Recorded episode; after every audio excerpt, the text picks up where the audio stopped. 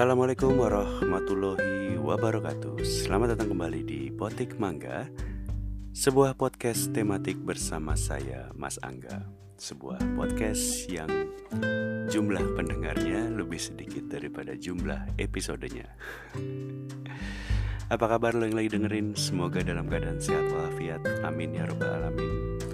Semoga buat lo yang masih kurang sehat, semoga segera diberikan kesembuhan oleh Allah Subhanahu wa taala. Amin ya robbal alamin.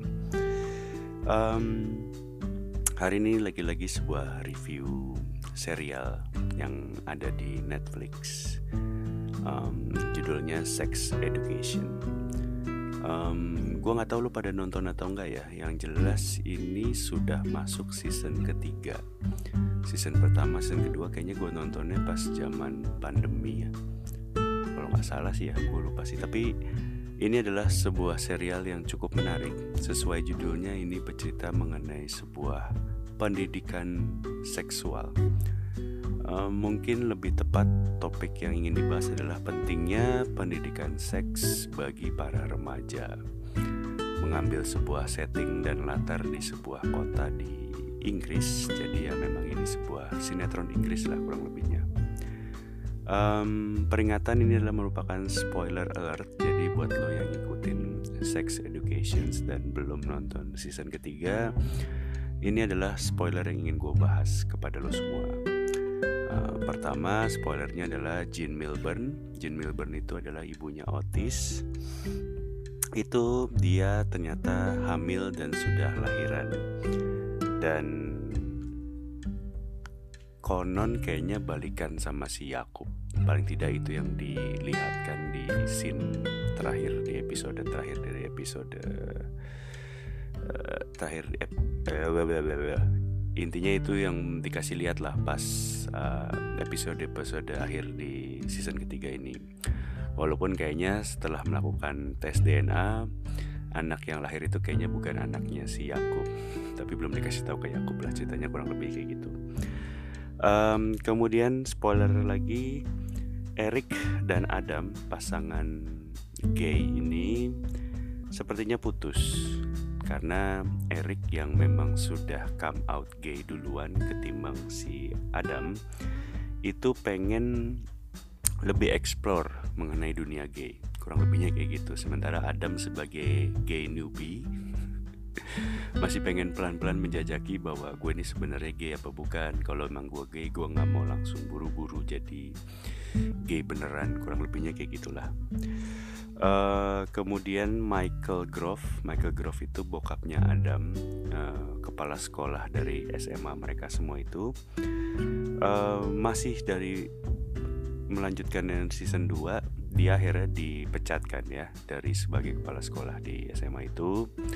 Masih proses cerai dengan ibunya si Adam istrinya si Morin kalau nggak salah Morinnya sudah punya pacar baru kurang lebihnya. Dan si Michael Grove nih fix diceritakan sekarang udah totally loser gitulah. Dia nggak punya tempat tinggal setelah cerai walaupun masih proses cerai ya kayaknya belum ketok palu. Jadi dia sekarang diusir lah dari rumahnya si Maureen itu. Dia sempat tinggal sama adiknya terus akhirnya dia tinggal sama si Colin. Colin itu guru salah satu guru yang asik lah yang gendut guru musik kalau nggak salah si Colin masih sama Emily Emily juga salah satu guru paling asik di sekolah itu dan akhirnya si kepala sekolahnya digantikan oleh Hope, namanya Hope, harapan Hope. Hope di sini berperan sebagai salah satu tokoh antagonis ya. Jadi sebagai kepala sekolah dia nggak asik.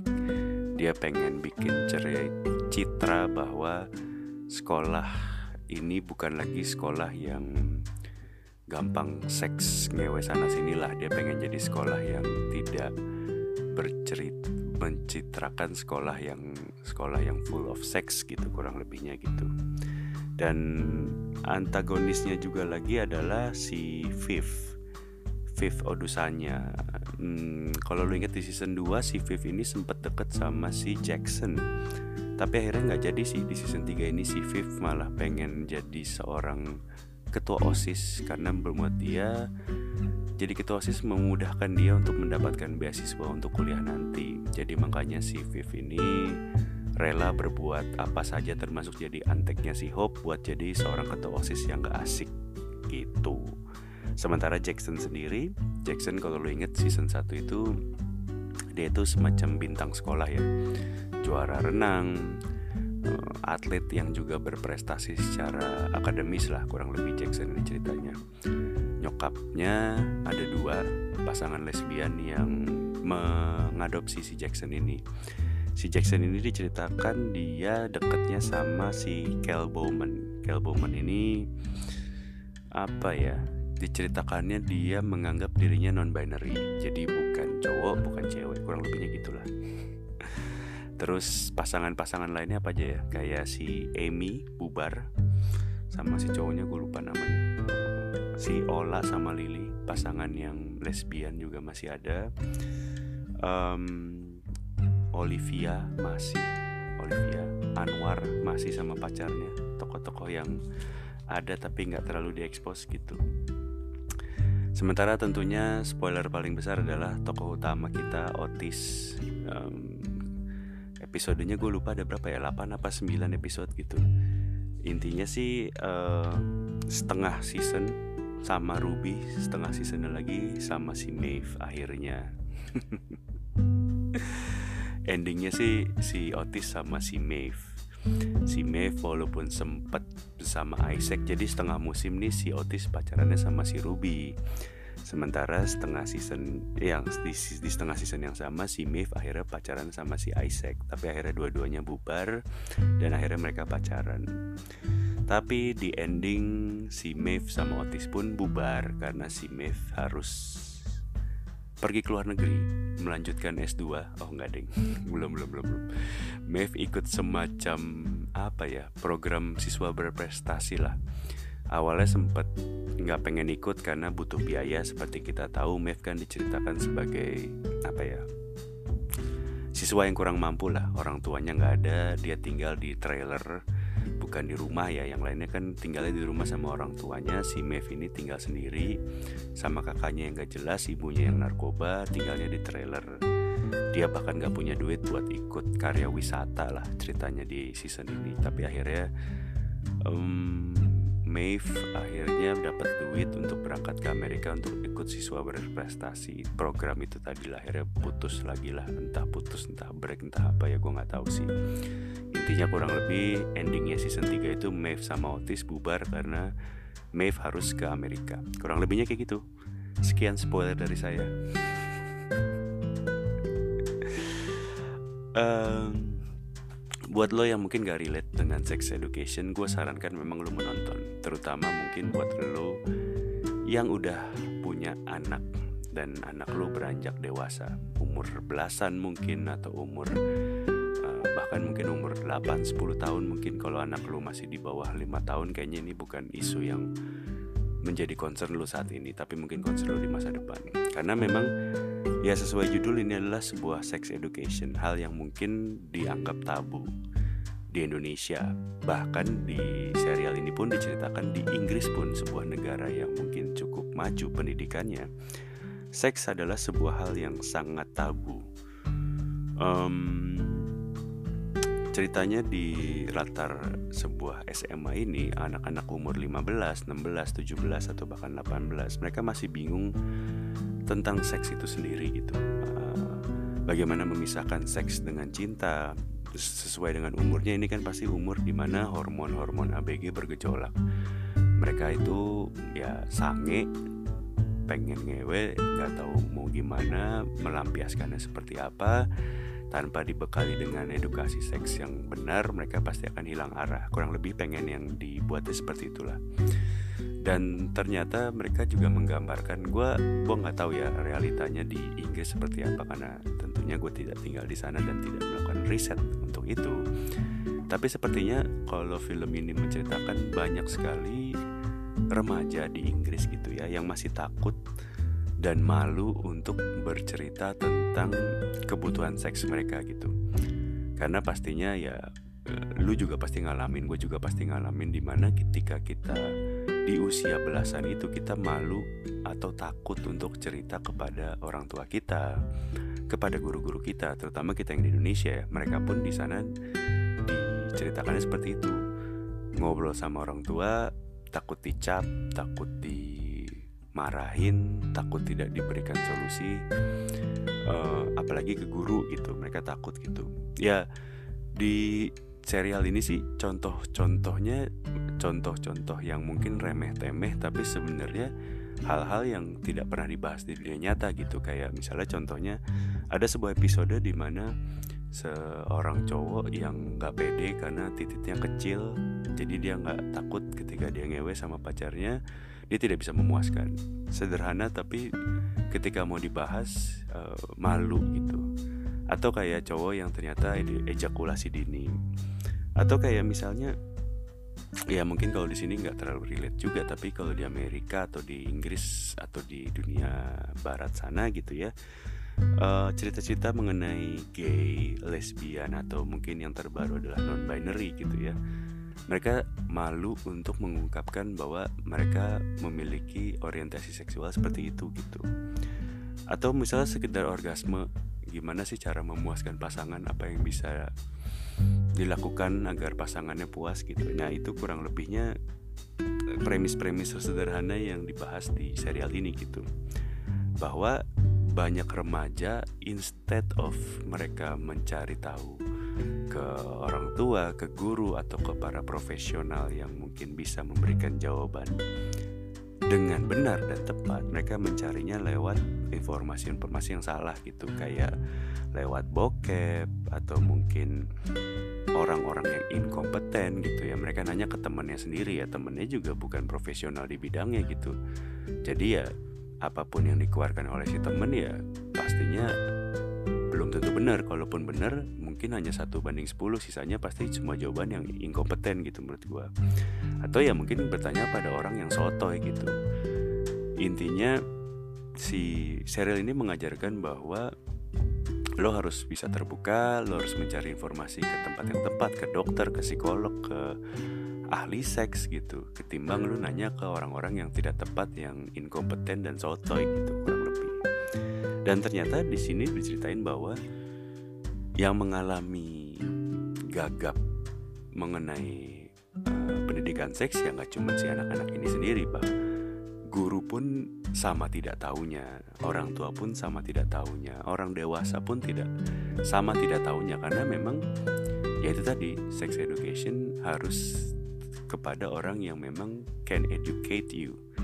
Intinya kata kuncinya di edukasi gitu. Maksud gue gak semua orang dewasa, gak semua guru, gak semua orang tua yang memang usianya dua kali lipat tiga kali lipat dari si anak-anak ABG itu tahu tentang seks gitu. Kurang lebihnya kayak gitu sih. Um,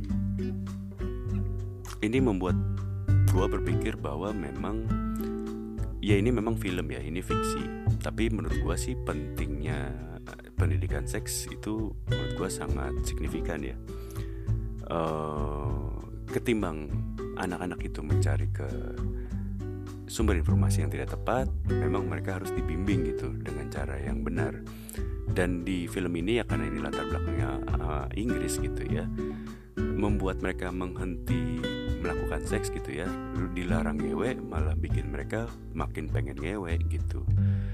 Uh, melarang atau meni meniadakan seks di film ini di serial ini ternyata bukan solusi gitu. Daripada mereka dibuat menghindari atau dibuat apa namanya menghentikan seks sama sekali mereka lebih baik diberikan pendidikan seks. Kurang lebihnya gitulah premisnya gitu. Karena mungkin ya hormon-hormon belasan mungkin masih meledak-ledak ya apa namanya ngaceng tiba-tiba gitu misalnya atau sange tiba-tiba gitu baru-baru pacaran. Ya poinnya sih jangan sampai terjebak dalam kehamilan yang tidak diinginkan misalnya atau penyakit menular seksual gitu sih kurang lebihnya. Walaupun ya memang namanya juga film bukan sebuah dokumenter bukan sebuah pendidikan bukan sebuah apa ya edukasi beneran ya. Ini film banyak fiksinya. Dan dikemas secara lucu secara fresh secara fun gitu maksud gue uh, dibuat di Inggris yang settingnya pedesaan gitu. Mungkin kalau di kota mungkin pendidikan seksnya lebih baik gitu ya. Gue juga nggak tahu sih di Inggris kayak gimana. Tapi dengan sex education ini mereka mengambil setting sebuah pedesaan gitu uh, rural urban gitulah kurang lebihnya gitu. Jadi ya dialog ataupun jokes jokesnya ya ala British ala Inggris gitu. Jadi ya uh, ini adalah sebuah ya film itu kan adalah sebuah karya seni ya. Lo menginterpretasinya seperti apa gitu. Ketika film ini lo menginterpretasikannya adalah hanya adegan seks ngewe sana ngewe sini ABG di mana oh asik juga ya. Ternyata boleh di sana ngewe sana ngewe sini. Instead of lo mengambil pentingnya sex education bagi para uh, remaja gitu ya itu balik lagi ke lo sih. Lo menangkap pesan sebuah filmnya seperti apa. Yang pasti gue di sini gue melihatnya bahwa uh, di Inggris gitu ya. Culture Inggris yang menurut gue sangat modern sangat terbuka gitu ya. Ternyata masih perlu pendidikan seks gitu. Dan ternyata uh, orientasi seksual yang berbeda pun tidak seluruh apa ya orang tua atau seluruh lingkungannya pun bisa menerima dengan baik gitu ya. Nggak cuman di Indonesia yang berbicara mengenai seks adalah sebuah hal yang tabu gitu. Berbicara mengenai orientasi seksual yang berbeda itu sebuah hal yang tabu gitu. Ternyata ya kalau lu ambil positifnya ya itu tadi gue bilang pentingnya sex education buat para remaja gitu. Um, yang pasti season 3 ini menurut gue vulgarnya agak kurang banget sih. Jadi kalau lo setelah dengerin episode ini lo mencoba menonton sex education ya gue saranin jangan nonton depan anak-anak atau depan bokap nyokap lo sih. Kayaknya di season 1 2 itu menurut gue adegannya vulgar ya. Um, gue nggak bicara. Ya karena ini bukan film bokep jelas uh, kontol sama memeknya sih nggak kelihatan gitu. Cuman maksud gue adegan cowok sama cowok ciuman sama cewek sama cewek ciuman sih kayaknya tiap episode ada ya. Dan ya itu tadi maksud gue uh, filmnya sih apa ya uh, itu tadi balik lagi. Um, hiburan sekali fun seru dan gue sih looking forward banget ya buat looking forward banget Blair intinya nggak tahu eh, setelah endingnya itu ternyata sekolahnya dibubarin. Jadi nanti season 4 gue rasa sih akan jadi season finale karena harusnya ketika season 4 itu mereka udah kelas 3 ceritanya atau mungkin udah menuju college. Kayaknya kalau udah college uh, esensi dari sex educationnya juga udah nggak ada gitu ya. Maksud gue artinya orang seseorang itu kan dianggap dewasa ketika mereka lulus SMA ya ketika mereka masuk kuliah gitu. SMA pun hitungannya menurut itu masih anak-anak masih di bawah umur gitu. Walaupun sih para aktor dan aktris pemerannya sih udah pada tua-tua ya. Aduh gitulah kurang lebih. Um, apa ya apalagi yang pengen gue bahas mengenai sex education ya Uh, lucu lah lo nonton lah. Menurut gue ini film menurut lucu menurut gue film ini lucu dan menghibur ya. Ini bukan kayak apa namanya sketsa komedi yang ada film ketawa ada yang backsound ketawanya sih. Nggak nggak kayak gitu sih. Ini kayak apa ya gue hmm, gue nggak tahu lagi film apa yang sejenis. Tapi yang pasti um, kalau lo belum pernah nonton ini highly recommended lah buat gue gitu. Lucu lah. Ternyata bule juga masih gagap mengenai seks gitu ya. Gue pikir yang tabu cuma di Indonesia doang gitu. Uh, ada sebuah cerita lucu banget menurut gue nih. Ini tentang pasangan gay. Menurut gue lucu banget. Jadi yang tadi gue ceritain inget si Adam sama si aduh gue lupa Eric. Eric itu diceritakan gay yang super ngondek yang memang sudah dari awal season 1 kita semua sudah diberikan informasi ditokohkan bahwa si Eric ini memang gay. Uh, sementara si Adam pacarnya ini yang sekarang itu baru convert jadi gay lah. Sebelumnya dia kayak gay apa sih namanya homofobik gitulah jadi dia pengen bilang jangan terlalu homofobik nanti lo jadi gay. Nah si Adam ini kurang lebihnya kayak gitu. Ada sebuah adegan di mana karena mereka dua-duanya gay gitu ya hmm, otomatis yang dua-duanya punya kontol ada satu adegan di mana mereka lucu banget nih menurut gue mereka dua-duanya sama-sama nungging. Dua-duanya sama-sama pengen ditusbol karena mereka sama-sama nggak tahu gitu. Ya menurut gue sih ini lucu aja sih. Aduh. Uh, apalagi ya yang lucu dari season 3 ini?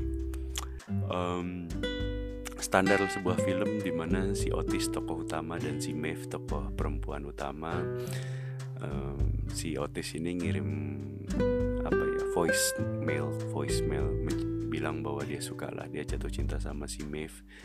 Terus kemudian dihapus sama si Isaac dan butuh sekitar 5 atau 6 episode buat akhirnya mereka ngobrol bahwa lu terima gak sih voicemail gue lu terima gak sih SMS gue gitu. Drama banget sih standar lah kalau kayak gitu gitunya uh, eh, gue nggak tahu sih um, kalau serial Korea apakah ada yang mungkin topiknya mirip-mirip tapi yang pasti menurut gue kalau lo punya waktu dan punya Netflix yang original jangan yang bajakan ya.